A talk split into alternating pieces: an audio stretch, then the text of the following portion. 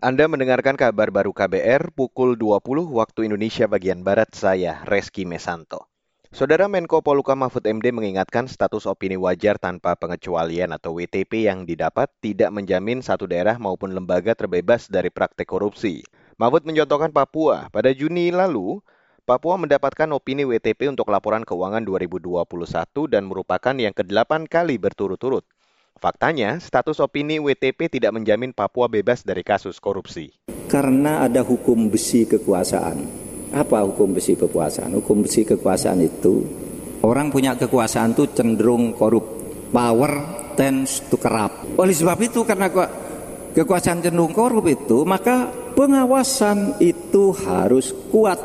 Power tends to corrupt. Absolute power corrupt absolutely. Semakin absolut kekuasaan semakin tinggi kecenderungan korupsinya. Mahfud juga mencontohkan dirinya yang sempat memimpin Mahkamah Konstitusi. Meski belasan kali memperoleh opini WTP, tapi tetap saja masih ditemukan ada tindak pidana korupsi di MK. Menurut Mahfud, semakin besar kekuasaan yang dipegang, semakin besar pula peluang menyalahgunakan kekuasaannya. Beralih ke berita selanjutnya, Saudara. Pemerintah akan mencatat tuntutan-tuntutan yang disuarakan massa saat aksi demo menolak kenaikan harga BBM di Jakarta hari ini. Kepala Sekretariat Presiden Heru Budi Hartono memastikan ada staf yang akan menindaklanjuti tuntutan-tuntutan dari pengunjuk rasa itu. Ya, tentunya nanti ada petugas atau staf yang menangani bisa di jajaran Kepala Staf Kepresidenan di bawah Pak Muldoko, bisa yang lainnya, dan tentunya perwakilan pemerintah pasti ada. Ya semoga tuntutan itu bisa dicatat dan menjadi perhatian dari kita semua kan sama kan dari kemarin tuntutan BBM ya kira-kira itu. Kepala Sekretariat Presiden Heru Budi Hartono membantah Presiden Joko Widodo sengaja pergi dari Istana Merdeka Jakarta demi menghindari menerima aspirasi masa pengunjuk rasa.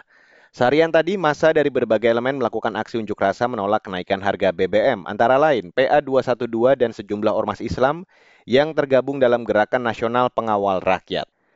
Saudara Gabungan Pengusaha Nasional Angkutan Sungai, Danau, dan Penyeberangan atau GAPASDAP Banyuwangi, Jawa Timur menggelar aksi unjuk rasa menuntut kenaikan tarif penyeberangan ke Tapang Gilimanuk.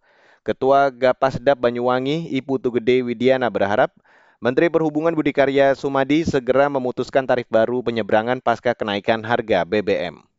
Supaya pemerintah cepatlah memberikan uh, penyesuaian tarif karena kita hmm. sudah berjalan 20 hari ini saat hmm. BBM dinaikkan. Tapi tarif belum ada penyesuaian sama sekali.